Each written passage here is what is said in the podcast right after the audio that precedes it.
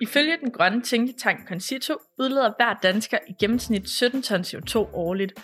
Og for at begrænse den globale opvarmning, skal vi globalt ned på en udledning, der svarer til 2-3 ton CO2 per borger. For at gøre de tal lidt nemmere at forstå, så svarer 17 ton CO2 til at køre i personbil rundt om jorden lidt over fire gange, hvor vi skal skære ned til kun at køre en halv omgang rundt om jorden hvert år. Du har tændt for første afsnit af Aarhus Lytter, Vores Stemme. Her skal vi sammen blive lidt klogere på det kommende kommunal- og regionsvalg, og nogle af de spændende emner, hvor vores stemme kan være med til at gøre en forskel. Mit navn er Katrine, og jeg vil sammen med min medvært Manuel i det her afsnit kigge lidt nærmere på, hvordan vores stemme til det kommende kommunal- og regionsvalg kan være med til at sætte dagsordenen på klimaområdet. Nå Manuel, så sidder vi her i, øh, i studiet for første gang. Øh, vi skal jo i de kommende måneder snakke med en masse seje mennesker om en masse spændende politiske emner. Men jeg tænkte sådan lidt på, om vi ikke lige skal introducere os for lytterne, inden vi begynder sådan rigtigt på dagens afsnit. Jo, lad os det. Øh, velkommen til mig. Mit navn er Manuel. Jeg, uh, hvor skal man starte? Jeg er 27 år gammel. Jeg kommer fra en lang linje af pizzabagere. Øh, uh, jeg er sønderjyd fra Åben Rå. Jeg har en uddannelse fra medievidenskab, hvor jeg har opbygget en vanvittig viden om film. Jeg ved alt om film. Alt. Alt. Især romantiske komedier. Så hvis jeg har brug for nogle fif, så hit me up. Så arbejder jeg i biograf i Aarhus, der hedder Øst for Paradis, som nogen måske kender. Ja, og i min fritid, der går jeg meget op i løb og cykling, og jeg hækler rigtig meget. Hvor jeg øh, mest af alt godt kan lide at hækle Pokémon. Så det er ligesom det, jeg laver. Og min interesse inden for klimaområdet, den, den er, den er livslang, vil jeg sige. Den startede helt tilbage i 2004, hvor jeg første gang så mesterværket The Day After Tomorrow med Jake Gyllenhaal. Og så har jeg tænkt, altså, hvis Jake Gyllenhaal han synes, det her er alvorligt, hvorfor er der så ikke flere, der tager det seriøst? Okay, du har allerede så meget øh, mere spændende at sige end mig. Øh, men okay, jeg skal da prøve at sådan gøre det lige så spice som dig. Hvem er Katrine? Jamen, øh, jeg er 26 år, og jeg kommer fra Thy og har læst historie, så jeg ved også en hel masse ting, som oftest kun er nyttige i et spil Besserwisser. Jeg tror slet ikke, jeg har lige så mange hobbyer som dig. Jeg kan bare godt lide at være sammen med mine venner. og så strikker jeg. Lige nu strikker jeg et par sokker. Ja. Og jeg tror, at min klimainteresse, den begyndte her for et par år siden, da jeg hørte om begrebet Earth Overshoot Day, som er den dag på et kalenderår, hvor vi mennesker har brugt den mængde af ressourcer, som jorden den kan nå at gendanne på et år. Øhm, og i år, der var Earth Overshoot Day allerede den 29. juli, sammenlignet med i 1970, hvor det var den 30. december. Så jeg synes, det er meget sådan meget skræmmende, og egentlig et super håndgribeligt tal for at se, at det virkelig går i den forkerte retning. Så jeg er meget spændt på at høre, hvad vores gæster de sådan har tænkt sig at lære os i dag. Ja, det var lidt om os. Men Manuel, skal vi ikke bare skynde os videre til dagens første gæst? Jo, det må vi hellere. Hun venter på linjen. Ja. I lyttere kender hende måske som vært på DR-været, men Nina Bendiksen er så meget mere. Nina er klimajournalist, klimaformidler og bæredygtig iværksætter. Hun står blandt andet bag Klimakysset, som arrangerer både foredrag, workshops og underholdning med klima som omdrejningspunkt. Velkommen til klimaformidler Nina Bendiksen, som vi har i studiet i dag for at snakke om klimaet og hvordan klimaproblemet ser ud lige nu øh, i Danmark og globalt. Ja, velkommen Nina. Jo, tak. Ja, først, sådan, der er lige kommet en ny klimarapport ud, mm. hvor der er nogle øh, ret alvorlige problemer, som vi skal tage stilling til. Gerne så hurtigt som muligt, eller det er faktisk for sent. Så derfor vil jeg spørge dig, hvordan klimaproblemet det egentlig sådan ser ud pt, og hvordan bliver den her krise egentlig kommunikeret på? Ja, altså for at starte med det første, så, øh, så er det jo ikke nogen hemmelighed, at temperaturen på kloden stiger. Og øh, hvis vi sammenligner med det årstal, som vi alle sammen mere eller mindre sammenligner os med, altså tilbage i 1990, så er temperaturen steget 1 grad globalt. Og øh, det lyder ikke så meget, altså os almindelige mennesker kan jo ikke mærke udenfor, om det lige er 15 eller 16 grader, men man skal også huske at se på kloden som en organisme, øh, fordi det er det, en levende, øh, værtrækkende organisme, og, øh, og ligesom vi ikke kan tåle at stige en grad, uden at det har konsekvenser, øh, for så har vi feber, så kan kloden altså heller ikke tåle det. Der er noget ekstra varme, noget ekstra energi, som den jo skal have afsat på en eller anden måde, for den kan ikke komme af med det. Øhm, og det bliver jo så i form af det, vi læser i den her IPCC-rapport, øh, klimaforandringer i, i form af smeltet is, vildere vejr, øh, tørke eller oversvømmelser osv. osv. Øhm, og temperaturerne er måske ikke så voldsomt øh, meget højere ved ekvator, men det er de til gengæld jo længere mod nord eller syd vi kommer. Så især mod øh, Nordpolen, så vil man opleve, at at der er altså temperaturstigninger på en 3-4 grader mange steder, og det er jo lige præcis her, øh, vi har øh, alt sneen og isen. Og, og så er der jo bare den her onde spiral ved klimaforandringer, at vi har brug for isen og sneen til at få øh, reflekteret alt den sollys, øh, som øh, kommer ind til jorden. Og, og der skal vi altså bruge nogle hvide overflader, og dem har vi ikke så mange af, hvis sneen smelter, og så bliver det jo altså bare en ond spiral, fordi så suger jorden bare endnu mere varme øh, med tiden, jo mere is og sne, der smelter. Så jeg kan godt forstå, hvis man øh, bliver lidt bekymret, når man hører om, om de her øh, øh forandringer, der er, og de her prognoser, der er fra FN's klimapanel om højvandstandsstigninger, for vi kommer ikke udenom, især i Danmark, selvom vi ligger et godt sted i forhold til så meget vildt vejr, så ligger vi et sted med meget vand, både i grundvand og for oven og hele vejen rundt om os. Så, så, så der er meget at være opmærksom på i, i den her sammenhæng. Ja, så de, de drastiske forandringer, der sker rundt i verden, det er hovedsageligt ved, ved de to poler. Mm. Men hvordan ser problemet så ud for os i Danmark, og sådan mere specifikt her i Region Midtjylland? Ja, altså, man kan sige, der er øh, i Region Midtjylland, så har man øh, den udfordring, at, at vejret ofte er det mere regnfuldt end så mange andre steder. Og øh, det hænger selvfølgelig sammen med, at vi meget ofte har vesten vejr eller vestvejr. Øh, vejret kommer ofte fra vest, og, øh, og det er det ene lavtryk efter det andet. Vi ligger typisk i sådan en lavtryksmotorvej, og der rammer især vestjyderne, øh, det rammer vestjyderne først, og, øh, og derfor kan vi også se på de Øh, Øh, hvad kan man sige, nedbørskort, der kommer ind i løbet af et år, at det er bare nærmest dobbelt op på nedbør øh, nogle steder i øh, Midt- og Vestjylland. Og øh, for at det ikke skal være løgn, så er der også den øh, jyske højderyg, der gør, at, at der godt kan falde ekstra meget vand. Det, det er sådan noget metrologisk med, at man nærmest forestiller sig sådan en sky, der presser op mod en højderyg, så regner det altså mere på den side af bakken, om man vil. Jeg tør ikke sige bjerget, fordi det er ikke tilfældet i Danmark. Men det ser man mange andre steder i verden, for eksempel øh, de norske fjelle. Der regner det bare usandsynligt meget mere ved vestkysten, end det gør på øh, øh, østsiden af, af bjergkæderne. Fordi at det ligesom den her sky bliver presset som en svamp op af det her bjerg. Ikke? Og, og det ser vi altså også lidt mere i, øh, i Jylland på grund af altså den måde, som, som øh, landet ligesom er formet på.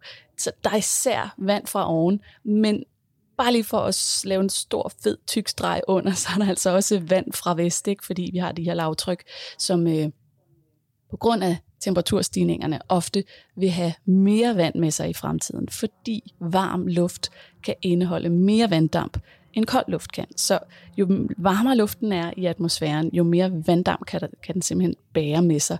Og det er også derfor, vi oplever orkaner som helt aktuelt øh, Ida, der lige har kommet her på årsdagen for øh, Katrina i USA, den vil, de vil sandsynligvis bære mere vand med sig, end de ville have gjort, hvis ikke vi havde haft en global opvarmning. Okay. Hvordan føler du så, at, at de her klimaproblemer, de bliver kommunikeret på? Ja, at, både godt og dårligt. der er mange, øh, det kommer lidt an på mediet, øh, hvis vi snakker medier i første omgang. Øh, journalistik er jo bygget op af omkring noget, der hedder nyhedskriteriet. Og øh, for at lave en god nyhed, så skal den både være aktuel, det skal være væsentligt, og man skal gerne kunne identificere sig med nogen i historien. Og så må det også gerne være sensationelt og konfliktfyldt. Og det er sådan de gamle nyhedskriterier. Derfor så kan vi nogle gange opleve, at nyheder, der taler om klimaforandringer, øh, de vil ofte, hvis der er en begivenhed, de, så, så vil det måske blive blæst op og blive gjort lidt øh, meget voldsommere, end det behøver at være. Fordi man skal også huske, at nogle af de her store vær, øh, begivenheder, det er nogen, der altid har været der. De er bare blevet det værre, og øh, på grund af for eksempel vand. Så, så nogle gange så kan nyheden blive blæst for meget op, som den helt proportionelt ikke passer til, øh, hvordan vi opfatter den som læser eller seer. Og, og så giver det også udfordringer, at klimaet bare ikke er aktuelt og sensationelt, altså i forhold til nyhedskriterierne. Klimaet det er sådan noget, vi måler over minimum 30 år. Så det vi typisk bygger vores nyheder på, det er en værhistorie. Det kan være, at, at der var sne i februar, og nej, det er jo helt vildt, og der var bare så meget. Men det er helt normalt, øhm, at der kommer de her værbegivenheder. Så det er enormt svært at lave klimahistorier øh, til sådan en nyhedsting. Og så er der den sidste selvfølgelig, som, som er meget væsentlig i forhold til kommunikationen af, af klima. Øh, det er, at rent journalistisk, så vil vi gerne have, at der er en for og en imod. Vi skal gerne have en konflikt. Øhm, og det kan man måske gøre ved at sætte to politikere over for hinanden og snakke om, hvilke løsninger der skal til. Men meget ofte så, så falder vi altså tilbage til den gamle med, altså øh, skal vi overhovedet bekymre os? Øhm, der er en, der mener, vi ikke skal, og der er en, der mener, vi skal. Og det, der mener jeg, at vi burde være kommet det videre, at vi skal bekymre os, og vi skal agere. Øh, så, så der er nogle sådan rent journalistiske øh, noget journalistisk teknik og håndværk, som jeg synes, man godt kan gå ind og pille ved. Men det ved jeg også, der bliver gjort. Jeg synes bare, at det, det, det er sgu lidt svært lige med klimaformidlingen, og det er også nyt for mange at formidle det her. Jamen, når jeg husker tilbage på, hvad jeg har set af klimaformidling i løbet af mit liv, så er det meget alle de her store naturkatastrofer, mm. sådan som sker rundt, altså tsunamien i, øh, i Sydøstasien tilbage i, hvad var det, 2004 eller sådan noget, eller 5? Ja. Og bliver meget hurtigt noget, som bliver meget fjern for os danskere, og vi kan ikke rigtig tage stilling til det, fordi det er meget svært for sådan nogle ting at ske i Danmark. Føler du, at kommunerne og regionerne de tager klimaproblemet seriøst, hvis det bliver formidlet som noget, der sker langt væk fra Danmark? Nej, altså øh, jeg synes egentlig, at regioner og kommuner gør øh, rigtig meget. Øh, det synes jeg især inden for klimatilpasning. Jeg synes, hovedparten af fokus ligger måske der. Og så er der knap så meget fokus på nedsætning af vores udledninger. Det synes jeg bestemt godt, man kan gøre. Men det, der sker sådan typisk op i vores øh, store menneskehjerner, og det er, når, når, når noget foregår langt væk, så så er det enormt svært for os at, at tage stilling til. Vi er øh, programmeret til at skulle spare på energien og skulle springe over gader lavest, fordi vores hjerner ved godt, at hvis der pludselig opstår en situation, hvor vi skal flygte, så skal der være energi nok til den proces. Og derfor, når det er, at vi så øh, oplever en krise, der er meget langt væk fra os, noget som egentlig ikke påvirker os i vores hverdag, så er det meget nemmere for os at sige, lave det til en, en øh, overspringshandling eller noget, som vi ikke gemmer i vores hukommelse. Det er, det er ikke vigtigt for os. Så det er egentlig meget naturligt for os, at vi sorterer den slags fra. Øh, det skal vi jo så komme udenom, fordi vi skal prøve at hacke vores hjerne på en eller anden måde, øh, hvis det sker. Og det gælder jo altså især politikere, som har magten og mulighederne for at gøre en forskel. Fordi vi ved jo godt, det kan godt være, at vi ikke bliver ramt af den her ekstreme tørke som man gør i øh, Østafrika for eksempel, eller øh, i øh, Øh, Øh, hvad hedder, i Australien eller andre steder, hvor der er meget tørke, Kalifornien og naturbrand og så videre. Men vi får en lille grad af det, og vi får måske nogle andre problemer, som de ikke gør, især med vand. Øhm, og så skal man ikke underkende betydningen af klimaflygtningen, fordi når deres øh, landbrugsområder, afgrøder dør på grund af tørke eller oversvømmelser, og orkaner og cykloner osv., så er det klart, så på et eller andet tidspunkt, hvis de ikke har fået nødhjælp til at kunne etablere sig igen, eller have en brønd, der har rent drikkevand osv., så, videre, så vil de selvfølgelig pakke deres ting og flytte et andet sted hen. Så man skal hele tiden være opmærksom på, selvom jeg ikke ser, min hjerne ser ikke sabeltigeren stå og tro os, så vi har øh, adrenalin i kroppen til at reagere her og nu, så skal vi kunne tænke det længere, fordi det kommer til at påvirke os. Og jeg kan selvfølgelig godt være bekymret for, at vi, om vi er i stand til at se ud over vores menneskelige hjerne, som sætter en stopklods for, for at handle. Øh, men jeg synes også, at der er noget håb i at se, hvordan at vi øh, i hvert fald arbejder hen imod det. Om det går hurtigt nok, det, det synes jeg måske også er til debat. Men som udgangspunkt, så synes jeg, at, at kommunerne øh, arbejder meget på øh, især klimatilpasning, men der er også gået noget gang med biodiversiteten omkring at få flere arter tilbage. Det ved jeg godt er ikke et decideret øh, klima, men det hele hænger jo sammen, og et en sundt jordmiljø, der kan optage mere CO2 fra atmosfæren osv. osv. Øh, det, det virker som om, der sker meget ude i kommunerne, og derfor synes jeg i forhold til kommunalvalget, at der er endnu mere på spil her, fordi der virker det som om, at der kan ske noget mere hurtigere. Hvor at skal vi op på statsniveau, så er der altså, der er jo så vanvittigt mange mellemledere undervejs, inden du får noget til at ske. Så på kommunalplan og regional plan, der, der tror jeg simpelthen, at der er rigtig, rigtig meget at gøre øh, i forhold til at, at, at få rykket noget. Om det så er et læhegn af træer, eller om det er, øh, vi skal male nogle tage hvide, så vi får noget mere albedo-effekt, eller nogle flere cykelstier. Det kan godt lyde som, som små, små ting, men, men det er her, du kan gå ind og gøre noget helt konkret. Der var noget, jeg ikke fik sagt øh, tidligere, med hensyn til kommunikationen øh, af klimaforandringer. Der, øh, der har vi jo lige haft coronakrisen som øh, et rigtig godt eksempel på, hvordan at vi jo kan handle og kan gøre noget. Men der fik vi også rigtig, rigtig hurtigt nogle redskaber til, hvordan vi kunne undgå at smitte vores gamle bedstemor.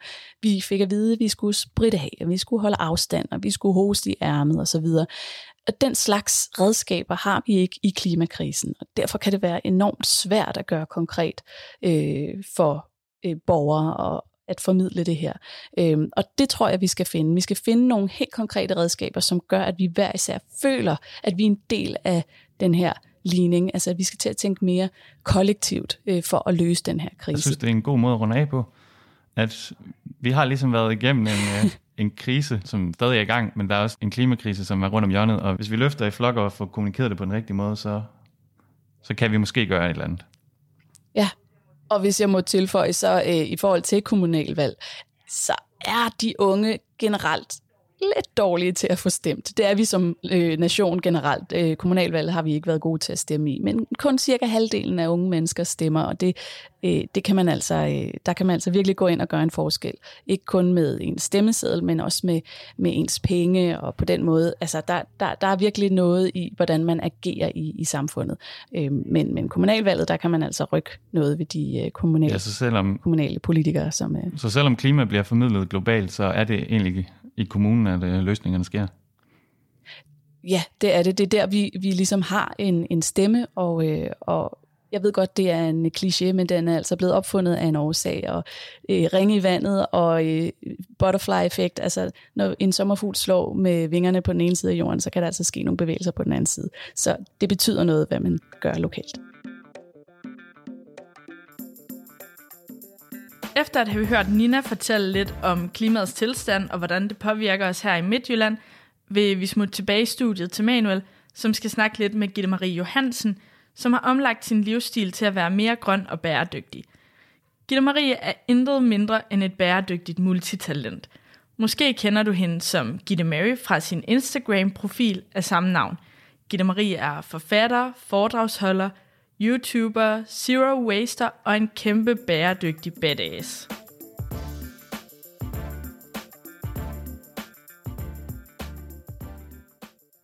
Velkommen til, Gitte Marie. Hvor er det bare fedt, at du har lyst til at komme forbi. Vi har jo spurgt, om du vil komme forbi for at fortælle lidt om, hvordan du har omlagt din livsstil for at være zero waste. Præcis. Ja, tusind tak for invitationen. Det er dejligt at være her. Altså, jeg er jo lidt af en, uh, lidt af en nybegynder på det her område, så jeg vil mere spørge om, hvad zero waste det sådan helt konkret er.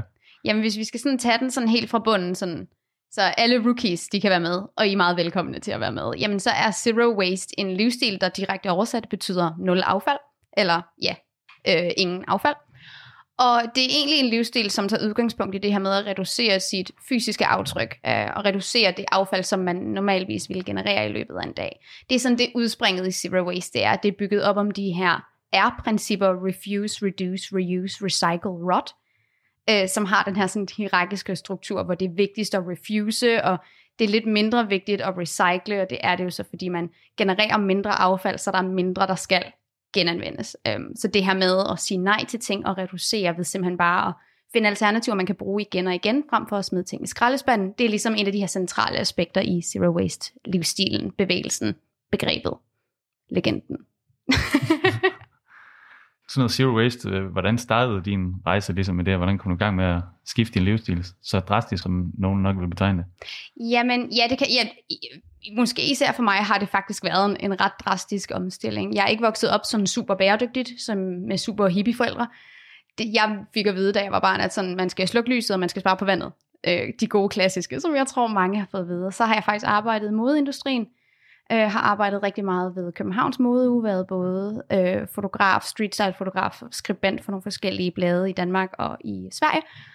Og har faktisk i rigtig lang tid tænkt, det var bare det, jeg skulle bruge mit liv på. Det var bare det, jeg skulle. Men så tænker jeg øh, omkring øh, et sabbatår efter gymnasiet, at jeg tror måske skal prøve det der uddannelse, som de bliver ved med at snakke om. Så jeg søger ind på Aalborg Universitet, og cirka et par måneder efter, jeg har søgt ind, der falder det her begreb Zero Waste bare ned i skødet på mig. Jeg sidder på Facebook, tror jeg, og så finder jeg bare lige pludselig en artikel, der handler om den her kvinde fra New York, der kan have fire års affald i et syltetøjsglas.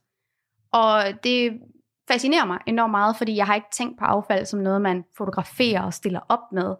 Så det brød en ramme for, hvad min forståelse af affald den egentlig var begrænset til. For jeg tror, mig som, som mange andre har den der attitude til affald, at når vi har smidt det ud, om det er en skraldespand derhjemme, eller om det er en offentlig skraldespand, så er det ikke vores længere. Så er ejerskabet ophørt, så er det nogen andres. Er det ingens? Er det alles problem? Det ved vi ikke rigtigt, men vi har i hvert fald gjort det, vi skal som borgere. Så det var meget spændende at se, hvordan at nogen legede med det her affaldsbegreb og viste det på en anden måde. Øhm, og jeg havde en blog på det her tidspunkt, sådan en meget almindelig beauty fashion blog. Så jeg spurgte folk, um, kunne de tænke sig at se mig prøve ikke at generere affald i en måned, for jeg har lige lært om det her zero waste begreb. Det lyder rimelig flippet. Er det noget, vi skal prøve? Og så lærte jeg i løbet af den her måned, at det kræver lidt mere end en måned at blive zero waste. Um, og så har jeg faktisk ikke kigget mig tilbage. Jeg har stille og roligt omlagt både min platform, som jeg arbejder fuldtid med nu, og øh, mit liv generelt efter de her principper, efter de her begreber, og prøver stadigvæk i dag at lære så meget som muligt, jeg kan, og, og, og reducere mit aftryk i alle mulige aspekter af min hverdag så meget som muligt. Sådan som du fortæller det, så tænker jeg, at mange godt kan måske forestille sig, at det er ret uoverskueligt, ligesom at komme i gang med at leve zero waste. Absolut. Altså det, det er også helt sikkert en, en attitude, jeg havde til det til at starte med, men jeg tror også, det handler meget om, at man ser man ser sit eget liv, og så ser man nogens færdige resultat, nogen fire år efter, de er gået i gang. Og så ser det jo vildt uoverskueligt ud, for så er der vildt meget udvikling imellem, som man måske ikke får med.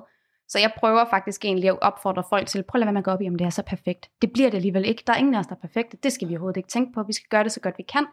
Og en rigtig god måde at gøre det på, er ved at sige til sig selv, at man ikke skal forholde sig til alting på én gang. Det svarer lidt til at lige have lært at gå, og så tænker vi, mandag morgen, vi løber et maraton, det bliver pis godt så kommer vi bare ikke særlig langt. Så en af de ting, jeg gjorde for eksempel, var, at jeg fandt en liste over de 10 mest øh, hyppigt fundne plastikprodukter i vores verdenshave, og så brugte jeg det som en to-do-liste med ting, jeg skulle fjerne fra min livsstil.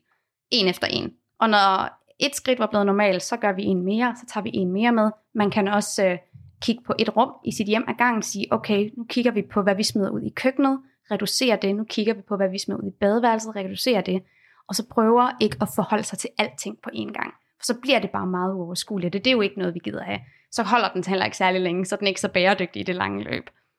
Så, øh, så, for mig gør, er det, så for mig er det vildt vigtigt, at den måde, jeg formidler zero waste på og bæredygtighed på generelt, at vi prøver at fjerne den her, huha, det er jo godt nok voldsomt, var, eller nej, nej, der er lang vej endnu for os alle sammen.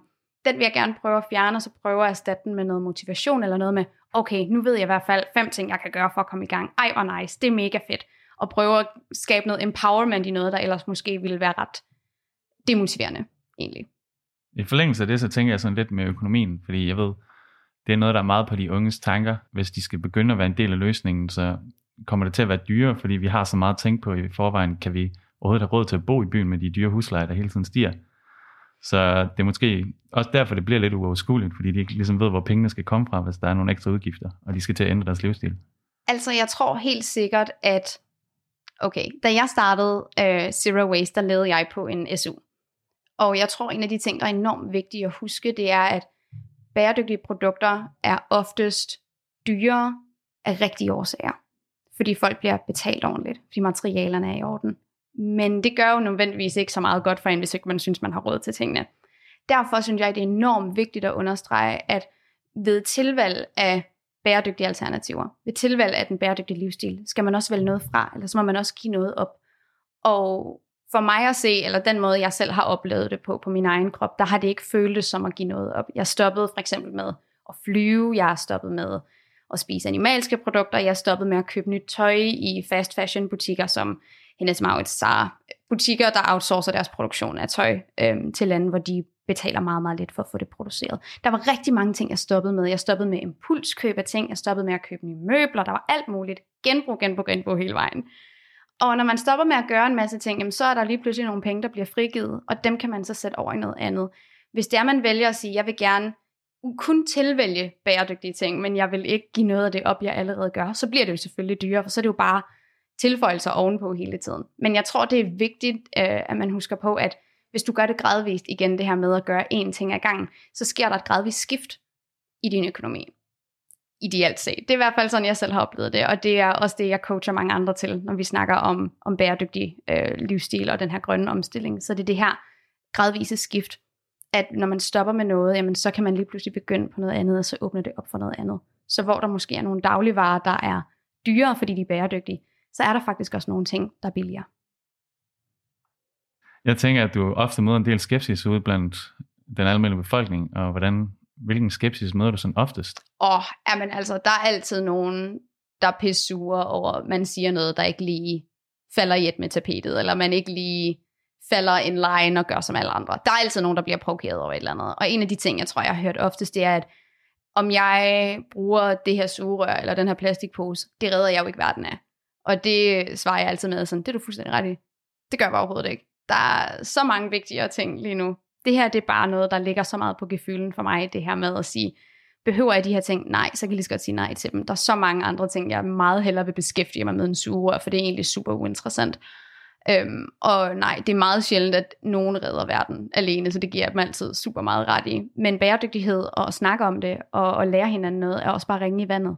Og vi kan jo se det i forhold til de sidste fem år. Nu har jeg arbejdet med Zero Waste siden 2015, og jeg kan mærke allerede, hvor meget der sker. Hvordan de her ringe i vandet bare spreder sig, og hvordan det er kommet så meget mere på agendaen, og hvordan vi også har ændret diskursen om bæredygtighed. For da jeg startede, var der ikke nogen, der snakkede om, hvad forbrugere kunne gøre oh my god, hvor der bare manglede det. Og det var også en af de grunde til, at jeg endte med at gøre det her til min levevej, og fordi jeg gerne ville snakke om det. For jeg synes, det var så svært at finde information om, hvad kunne forbrugere gøre, for det var alt sammen bare sådan noget komiteer og kvota, og det var bare egentlig pisse ligegyldigt for os som borgere, så derfor vil jeg gerne lave noget andet. Men det har bare ændret sig i de sidste fem år. Nu er der så meget med, hvad vi forbrugere kan gøre, både i vores almindelige hverdag, men også initiativer fra borgere, der prøver at gøre deres områder mere bæredygtige. Der sker så meget, og det er jo et resultat af, at vi snakker mere om det sammen. Så jo mere vi snakker om det, jo mere vi opfordrer hinanden, og jo mere vi prikker til hinanden og lærer hinanden, jamen jo, jo, jo lysere er fremtiden. Mega kliché, sådan er det bare. Så den her med, som du redder jo ikke verden alene, øh, den hører jeg tit, og øh, den generer mig ikke voldsomt meget. En anden en, som jeg også tit hører, er sådan, der er jo ikke noget, du kan jo ikke være, like, der er jo ingen, der producerer nul affald. Og det svarer jeg også altid. Det er også rigtigt. Det er absolut også rigtigt. Det er umuligt at generere nul affald i et samfund, der ikke er indrettet til det. Fordi at så mange aspekter af vores samfund er genereret til indgangsting. Og den måde, vi lever på i dag, er så designet til, at vi smider noget ud og køber noget nyt. Det betyder dog ikke, at det, det giver dog ikke carte blanche til at forbruge og smide væk fuldstændig uhemmet. Det synes jeg overhovedet ikke. Når jeg siger zero waste, så betyder det heller ikke, at jeg ikke har genereret affald, siden jeg gik i gang med projektet i gåsøjne. Det er et auditivt medie. I kan ikke se, at jeg laver gåsøjne. Det gør jeg. Mm, det betyder, at jeg reducerer så meget, jeg kan. Når jeg så nogle gange ender med at producere noget alligevel, så, så går jeg ikke så højt op i det. Det er jo ikke det, det handler om. Den her perfektion igen, det prøver jeg virkelig at komme væk fra, for det er slet ikke det, der er interessant ved at reducere sin livsstil. Og når man først har fået alt det her ud af banen, kan man jo lige pludselig snakke om de fede ting, om de interessante ting. Men der, jeg elsker nogle gange, der er nogen, der har lidt sådan et gotcha moment, hvor de sådan sådan, ah, der, oh, der, der, der er plastik, der. Der var en, der kommenterede en gang på et af mine billeder. Øh, jeg lagde et billede op af mit køleskab, hvor man kunne se de ting, jeg havde købt på grønt marked, og det var rigtig fint stillet op, meget blokker. Og øh, så var der en kommenteret, men køleskabshylderne, der er jo plastik på dem. Bum bum. Ja, der, der fangede han mig. Det var, jeg er en fidusmager af fraud. Øhm, så mest af alt at den her skepsis, jeg møder, mest af alt af den her skepsis, jeg møder, baseret lidt på, at folk leder efter en undskyldning for ikke at lytte til, hvad det er, man siger.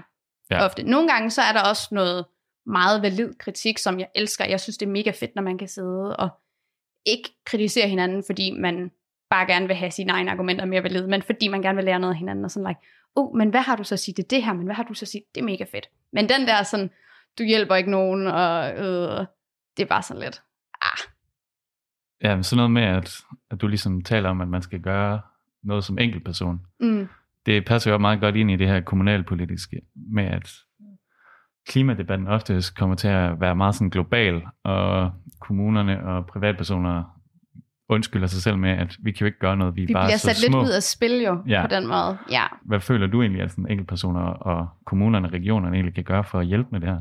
Jamen, jeg er jo en fuldstændig ukulig optimist, som også ser bæredygtighed lidt på den her måde, at hvorfor er vi så hurtige til at sige, at enkeltpersoner kan jo ikke gøre noget ved bæredygtighed, når vi har accepteret, at enkelte borgere, når de stemmer i vores demokrati, jo godt kan gøre noget.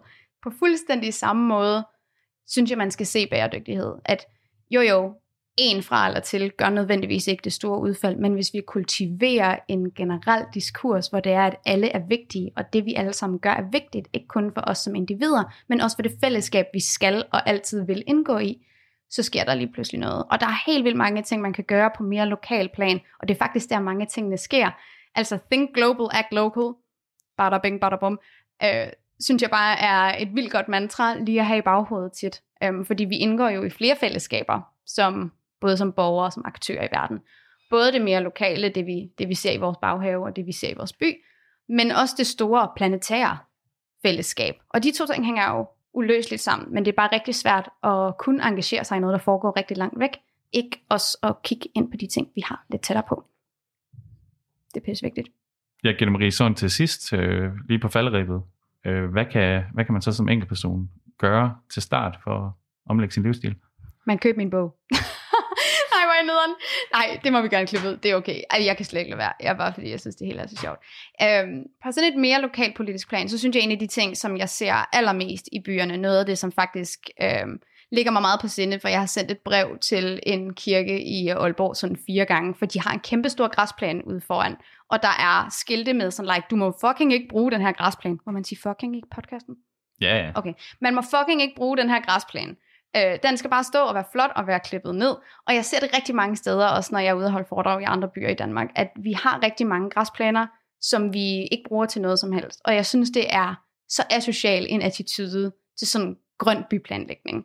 Når vi i stedet, når vi tænker på, hvor, at biodiversiteten i både i Danmark generelt, og så især i, i de mere sådan urbane miljøer, er virkelig, virkelig presset. Hvorfor bruger man så ikke de her områder? Hvorfor t- er der ikke flere politiske, men også bare lokale borgertiltag, der øh, bruger de her øh, områder noget mere, planter nogle vilde blomster, lad det stå lidt frit. Den her idé om, at det flotteste, man kan gøre med et grønt område, det er at have en græsplæne, det er bare sådan helt renaissanceagtigt. Det er bare, det, det har vi slet ikke brug for længere. Vi er bare evolved så meget past det de her græsplaner. Så det er en af de ting, jeg er meget, øh, er meget entusiastisk omkring. Det synes jeg er vildt fint.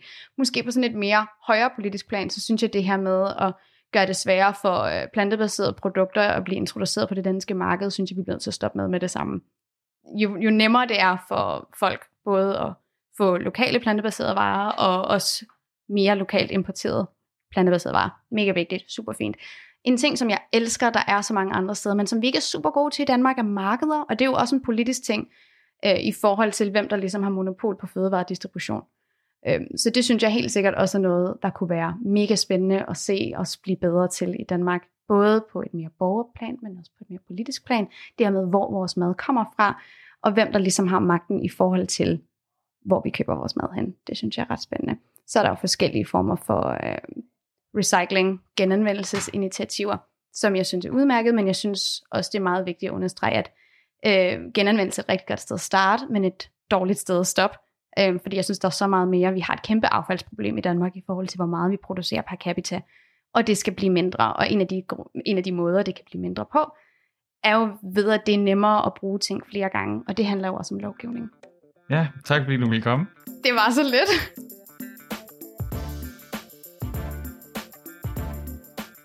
Nu har vi hørt lidt fra Gitte Marie, som har omlagt sin livsstil til en mere bæredygtig en af slagsen, og hvordan man selv kan begynde på rejsen mod et mere bæredygtigt liv. Nu skal vi snakke lidt mere specifikt om de grønne skridt, som bliver taget her i Aarhus Kommune. Derfor vil jeg smutte i studiet for at snakke med Liv Lacour, som skal hjælpe os med at blive klogere på nogle af de bæredygtige tiltag her i kommunen. Liv arbejder i Aarhus Omstiller, som er et af seks spor i Aarhus Kommunes klimahandlingsplan for årene 2021 til 2024. Liv arbejder med, hvordan vi både personligt og i fællesskab kan skabe både synlige og meningsfulde grønne handlinger.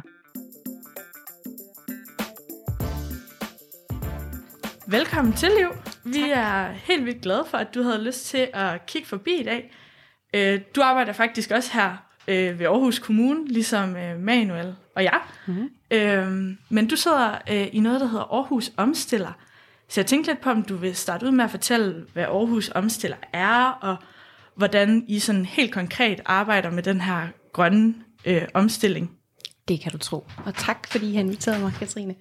Jamen, Aarhus Omstiller er en del af hele klimaarbejdet i Aarhus Kommune. Der er nogle andre kollegaer, som tager sig af det her med energi, transport og de virkelig store, kan man sige, sådan omstillinger, som, øh, som vi skal lave på infrastrukturen. Men vi skal også gøre noget som, som borgere, og det er det, Aarhus Omstiller handler om. Det handler simpelthen om os som borgere i kommunen, øh, også som borgere på kloden, kan man sige, for at huske det store perspektiv, og handler om, hvad vi selv kan gøre i vores hverdag, øh, men også hvad vi kan gøre i fællesskab, og mange forskellige former for fællesskaber, fra hvis man er aktiv i en forening, eller bor i en boligforening, til at man engagerer sig i forskellige grupper i, øh, i byen, eller måske deltager også i nogle mere demokratiske processer. Så, øh, så det handler simpelthen om at forsøge at lykkes med, hvordan vi sammen kan skabe de her sådan adfærdsændringer. Det er sådan et af vores sådan buzzwords. Øh, det lyder måske lidt tørt, øh, men hvad skal der til for, at vi alle sammen lykkes med at, at ændre nogle af vores vaner?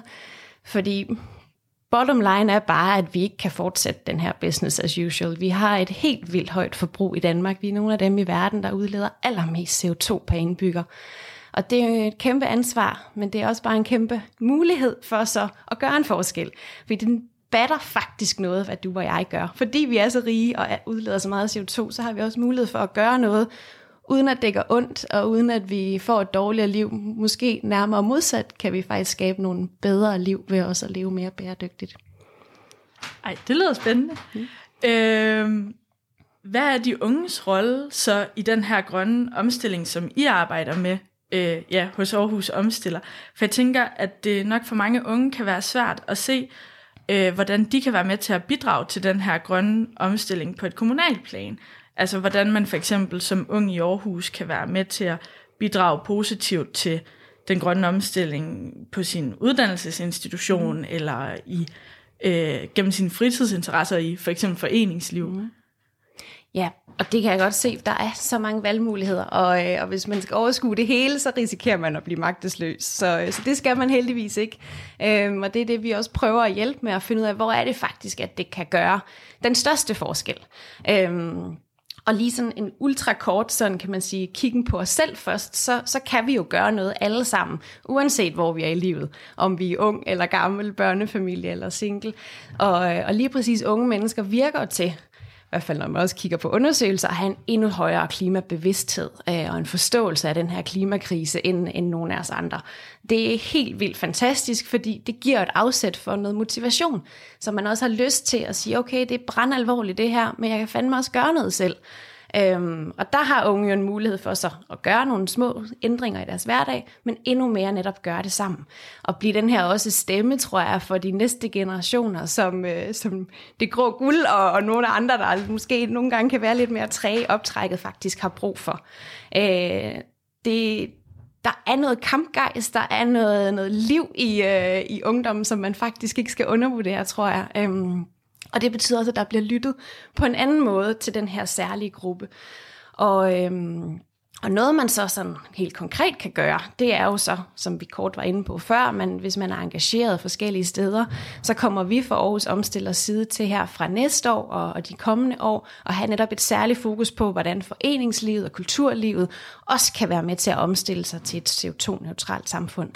Og øh, det kan være alt fra, at det skal være nemmere at sætte solceller på taget, til at man laver mere klimavenlig mad i kantinerne i sine sportsklubber, eller, eller på anden vis ligesom få lavet de her små ændringer, men som har en rigtig stor forskel, eller som gør en rigtig stor forskel. Men så kan man jo også engagere sig mere demokratisk. Vi er jo et på den måde meget sådan tilgængeligt demokrati øh, i Aarhus og i Danmark. Det er en kæmpe gave, og der er ikke så mange af os, der udnytter det. Vi sætter et kryds hver fjerde år, øh, og så er det ligesom det. Men noget af det, vi netop vil gøre i Aarhus Omslag, det er at gøre noget særligt for de unges deltagelse i demokratiet i forhold til klima. Så vi eksperimenterer faktisk sådan meget ydmygt og, øh, og spændende og sjovt med sådan nogle særlige digitale redskaber for at involvere unge mennesker i, øh, i den mere demokratiske proces. Det vil sige, kom ind og være med til og, øh, og presse lidt og udfordre lidt nogle af de her sådan, politiske beslutninger og komme med nogle af de gode idéer, som, som måske lige mangler at blive fundet på. Så sådan helt lavpraktisk, så vil der faktisk være 4.000 unge oceaner mellem 18 og 25, der inden for den næste uge vil få en invitation i deres e-boks øh, om at være med i sådan en, øh, jeg har ikke et bedre ord end digital fokusgruppe, og det lyder simpelthen så tørt, men det er et mega fedt, sådan lidt mere sådan online spil, hvor, om, som handler om vores om madvaner og hvad, hvordan unges madvaner er i forhold til klimaet. Og det kan man bare sige ja tak til i sin e-boks, og så løber det af stablen den 20. september, hvor man så mødes med en masse andre unge digitalt og debatterer omkring det her med klima og mad. Øh, det er i hvert fald noget helt konkret, der sker lige om hjørnet. Det lyder da super spændende også, ja, fordi det er jo også noget af det, vi har snakket om øh, her tidligere i nogle af interviewsene, blandt andet med, hvordan man gennem ja, sine madvaner kan være med til også at gøre en rigtig stor forskel, øh, ja, blandt andet ved at skære ned på emballage og Ja, så det lyder jo mega spændende. Mm. Det håber vi da, at der er rigtig mange unge her i kommunen, der har lyst til at deltage i. Det håber jeg nemlig også, ja. fordi det er, som du siger, det er faktisk et af de steder, hvor vi kan gøre allermest det på vores mad. Og selvfølgelig skal der også noget regulering til, og man skal ikke som enkelt individ kunne gennemskue sojaproduktion i Mellemamerika og sådan noget, men, men helt skåret ind til benet, så batter det bare så meget i forhold til, hvor meget kød man spiser. Det er sådan bare det allermest simple greb, hvis man vil gøre noget, kan man sige, der, der gavner klimaet og kloden, og derved os selv mere positivt. Det er sådan et meget godt billede eller tal, det er, at hver gang det, du kan, kan man sige, gøre et menneske mæt med kød, så kan du gøre 10 mennesker mætte med grøntsager og linser og al, alle de her planteproteiner. Og det er fordi, det bare kræver så meget mere jord at lave det her foder til dyrene. Så det er en kæmpe belastning for naturen og for klimaet, men det er helt ærligt også sundere for os selv at spise lidt mere grønt. Så, øh, så ja. der er også noget win-win der. Ej, hvor spændende. Det var, det var et uh, tal, jeg aldrig havde hørt før, mm. men det sætter jo virkelig også uh, ja, perspektiv. Det var et meget ja, håndgribeligt tal, for det synes jeg nemlig selv, når man er i den her debat, og det kan være lidt svært at gennemskue det egentlig, ja, uh, ja hvor stor en forskel det egentlig kan gøre. Lige øh, præcis. Og det er en af grundene til, at vi er sat i verden i Aarhus Omstiller. Vi vil virkelig gerne prøve at hjælpe til at gøre dem konkret og forståeligt. Vi skal ikke overdynges med viden om, om øh, CO2 i atmosfæren og hvad det betyder. Vi skal helt konkret vide, som du siger, en til en, hvad betyder det faktisk. Øh, og, og selvfølgelig er der nogle ting, der er kompliceret, men, men der er faktisk også noget, der er ret lige til, hvis man, øh, hvis man forstår og gør det konkret. Og det er, det er vores mission. Ej, hvor spændende. Nu har vi jo snakket ja, lidt om de unge, men, men kan du måske sådan lige her til sidst sådan fortælle lidt om, hvorfor er det så, så vigtigt, at vi alle mødes og tager del i den her grønne omstilling i kommunen, at vi ligesom tager affære lokalt, hvis man kan sige det sådan? Ja, det er et rigtig godt spørgsmål. Det vi jo på en måde sidder og bryder vores hjerner med hele tiden. Og, øh, og jeg tror, jeg vil vende tilbage til det her med vores, vores ansvar, øh, uden at det skal være sådan en, en byrde, men det der med at forstå, at fordi vi er så rige øh, i Danmark, så udleder vi bare så meget mere CO2 end langt, langt de fleste mennesker på kloden. Øh, vi er blandt de sådan 10-15 lande, der per indbygger udleder allermest CO2. Og det betyder, at øh, det nytter at gøre en forskel for dig og mig. Øh, altså det, det er svært at sige til, til en i Zimbabwe, at øh, personen ikke skal spise så meget kød eller flyve, fordi det gør de i forvejen ikke. Eller sådan. Øh, men du og jeg kan faktisk gøre en kæmpe forskel her. Og så kan vi gøre noget i stor skala som kommune. Altså når vi lykkes sammen, og når vi går sammen om at gøre noget, det bliver for det første 10 gange sjovere. Det bliver mere meningsfuldt, fordi vi er fælles om, at vi får nogle gode oplevelser. Og det skal man ikke underkende, at det betyder noget for vores engagement, og for den der mening i at, at være en del af noget større. Så det der med, tror jeg, at man ikke føler, at det er noget, du skal bære på, at, vi, at det ikke noget, vi skal bære på vores egne skuldre, men virkelig, vi skal løfte i fællesskab. Øh, og så kan vi rykke noget. Der er også noget ret spændende forskning faktisk, der viser, at når mennesker engagerer sig i lokalsamfund og gør noget for klimaet, så har det en masse positive effekter. Øh, også i forhold til, at man faktisk oplever større livskvalitet. Og det er også, tror jeg, en vigtig del af det, at det netop handler om det gode liv, men med mindre klimabelastning. Ja. Tusind tak for det, Liv, og tak fordi du havde lyst til at være med. Det var super spændende både at høre om, hvad det er, I laver her øh, hos Aarhus Omstiller øh, i kommunen, ja, og bare generelt øh, nogle af dine tanker omkring øh, hele den her klimakamp, vi er i gang med at kæmpe. Så ja, tak fordi du vil komme. Tusind tak, fordi jeg måtte komme.